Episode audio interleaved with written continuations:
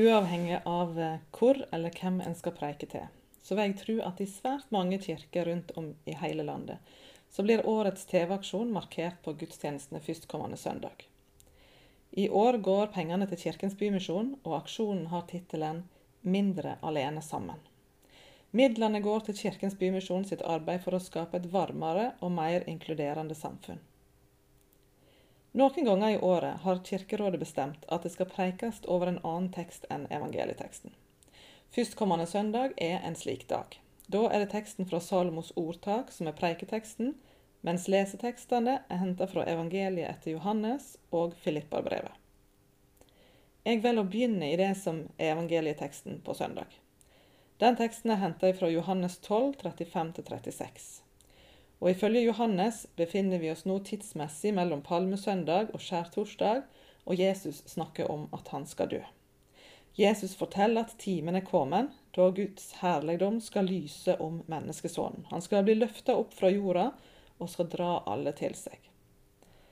Men dette er forståelig nok uforståelig for de som hører på, og de sier vi har hørt i lova at Messias skal leve til evig tid. Hvordan kan du da si at menneskesonen må løftes opp? Hvem er denne menneskesonen? Så er det Jesus svarer det som er de to versene som skal leses på søndag. Enda ei lita stund er lyset mellom dykk. Gå så lenge det har lyset, så ikke mørket skal falle på dykk. Den som går i mørket, veit ikke hvor han kommer av. Tru på lyset så lenge det har lyset, så det kan bli bånd av lyset. Da Jesus hadde sagt dette, gikk han bort og løgnde seg for dem. Mye kan sies om Johannes sin teologi i disse versene, men jeg nøyer meg med dette. Jesus er lyset. Lyset som lyser opp der det er mørkt. Lyset som viser vei. Den andre teksten på søndag er henta fra Filippa-brevet kapittel 2 vers 1-4. Brevet til filipperne skrev Paulus mens han satt i fengsel. Paulus var svært bekymra for at filipperne sin tru skulle svikte, og han oppmuntrer de kristne i Filippi til å holde fast på trua og til kjærleiken til hverandre. De fire versene som skal leses på søndag, er en innstendig oppfordring om at de kristne må holde i hop. Om det nå er trøyst i Kristus, glød i kjærleiken, fellesskap i anden, om det finst medkjensle og miskunn, så gjør mi glede fullkommen. Ha same sinnelaget og same kjærleiken. Vær ett i sjel og sinn. Gjør ikke noe av sjølhevding eller lyst til tom ære, men vær audmjuke og set de andre høyere enn dykk sjølve. Tenk ikke bare på dykkar eget beste, men òg på det som er godt for de andre. Så til preiketeksten, som altså er henta fra Salomos ordtak, kapittel 6. Og siden det ikke er så ofte en tekst fra ordspråka er preiketekst, så vil jeg i dag å si en del generelt om dette skriftet, før jeg leser og sier noe om de få versene som er preiketekst. Og jeg tenker at det òg i noen kontekster kan fungere godt å si noe generelt om skriftet, òg i ei preike. Ordtøka er ei samling av ordtak og visdomsord i poetisk form. Den heiter Salomos ordspråk, så boka er tilegna kong Salomon. Kong Salomo, som levde 970 til 930 før Kristus, var kjent for visdommen sin. I dag er det ei forståing av at det nok ikke er kong Salomo som står bak boka, men at kanskje deler av ordspråka kan tilskrives han på en eller annen måte. Kapittel 1 vers 7 kan stå som ei overskrift over boka. Å frykte Herren er opphav til kunnskap. De dumme forakter formaning og visdom. Salomos ordspråk har to hoveddeler. De første ni kapitlene er ei utlegging av visdommen. Mest i form av tale fra far til sønn, men det er òg innslag av den kvinnelige visdommen tale. I resten av boka er det så vi finner ordtaka. Og Hvis vi konsentrerer oss om de første kapitlene, i og med at det er der avsnittet vårt er henta ifra, så er det ei utlegning av at det er to hovedveier i livet. Det er visdom og dumskap. En rett måte å leve livet, og en galen måte. Den vise veien, det er de kloke som går på den. Den dårlige veien, de dumme. Visdommen er forbundet med rettferd og leie til livet. Dumskapen er destruktiv og fører til døden. Kapittel 1-9 tjener som en introduksjon til resten av boka. Et prisme å lese resten igjennom. Og Denne delen av boka krever at leseren, representert ved de unge menn, bestemmer seg. Hvem vil de ete middag med? Visdommen eller dumskapen? De må velge mellom den sanne Gud og de falske gudene.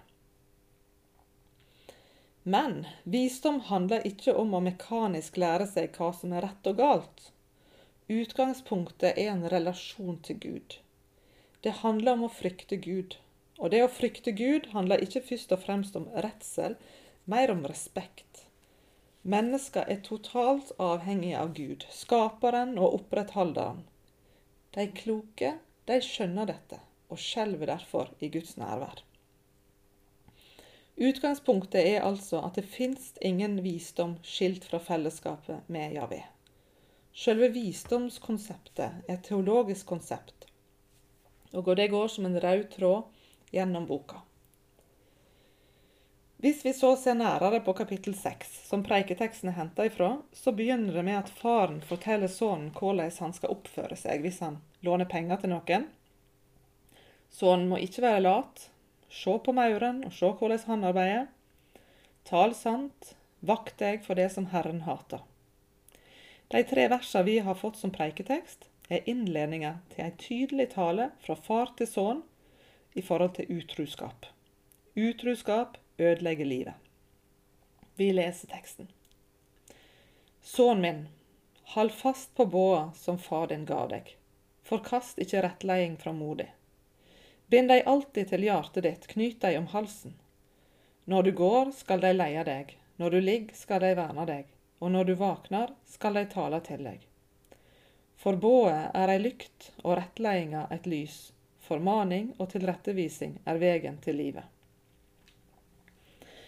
Disse versene minner leseren om 5. Mosebok 6, 4-9, Shema, den gamle jødiske truvekjenninga, som òg inneholder ei formaning om å binde Guds ord og båd til hendene og bære dem på panna som et merke. Som andre plasser i denne første delen av Salomos ordspråk, så er stien, eller veien, en metafor. Alle går på en sti, enten på en krokete eller på en strak vei. Fare lurer på denne veien gjennom livet. Den rette veien, den veien som fører til livet, den er godt opplyst, og den er rett. Den som går på denne veien, vil ikke snuble. Her får sønnen løfte om at lova faktisk vil verne han òg når han sover, ikke bare når han går. Båa, rettledingene og formaningene fra foreldra skal følge sønnen slik at han går på den rette stien, veien til livet. Hva kan så være mulige innsteg til ei preike på søndag? Da var jeg tilbake til TV-aksjonen og mindre alene sammen. Overskrifta tematiserer et poeng jeg tenker er viktig å ta opp i møte med tekstene fra ordspråka. For hvem er de vise?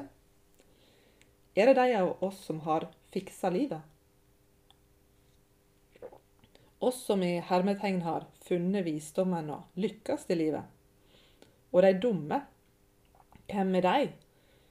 Jo, da er det jo nærliggende å tro at det er bl.a. de som Kirkens Bymisjon arbeider blant. De har tatt dumme valg i livet og enda opp på feil plass. Jeg mener at det er viktig å tematisere dette for å slå fast at det ikke er sånn det er. For det første, visdommen handler altså ikke bare om å gjøre rett og galt, men om å ha en relasjon, et forhold til Gud. Og forholdet til Gud kan aldri måles i hva grad en tilsynelatende har lykkes og ikke lykkes i samfunnet. Å vandre i Guds lys kan en gjøre mange plasser og på mange måter. For det andre jeg tenker det er viktig å si noe om at livet fær ulikt med oss mennesker. Vi har ulike utgangspunkt i livet, og vi har ulike former for sikkerhetsnett når noe vondt og vanskelig hender oss. Og det må vi holde fast på, samtidig som vi aldri tar fra mennesket ansvaret for eget liv. Denne teksten må ikke føre til at vi setter oss sjøl og andre i bås som enten vise eller dumme, men at vi alle kan bli utfordra til å søke visdommen. I møte med teksten fra ordspråka slår det meg òg hvor vanskelig dette med råd og formaninger er. Jeg er både datter og mor. Som datter har jeg satt pris på rettleding og gode råd. Samtidig har jeg nok òg kjent på at det ikke er alle formaninger det er like kjekt å få. Noen gjør meg trassig og tverr. Og som mor kjenner jeg at det er utfordrende å skulle rettleie båndene mine på en god måte. Jeg har levd noen år mer enn de, og veit noe om hva som er klokt og mindre klokt. Samtidig så må de få ta sine egne valg. Og I denne spenninga tror jeg flere av oss lever. Og det handler ikke bare om foreldre-barn-forhold.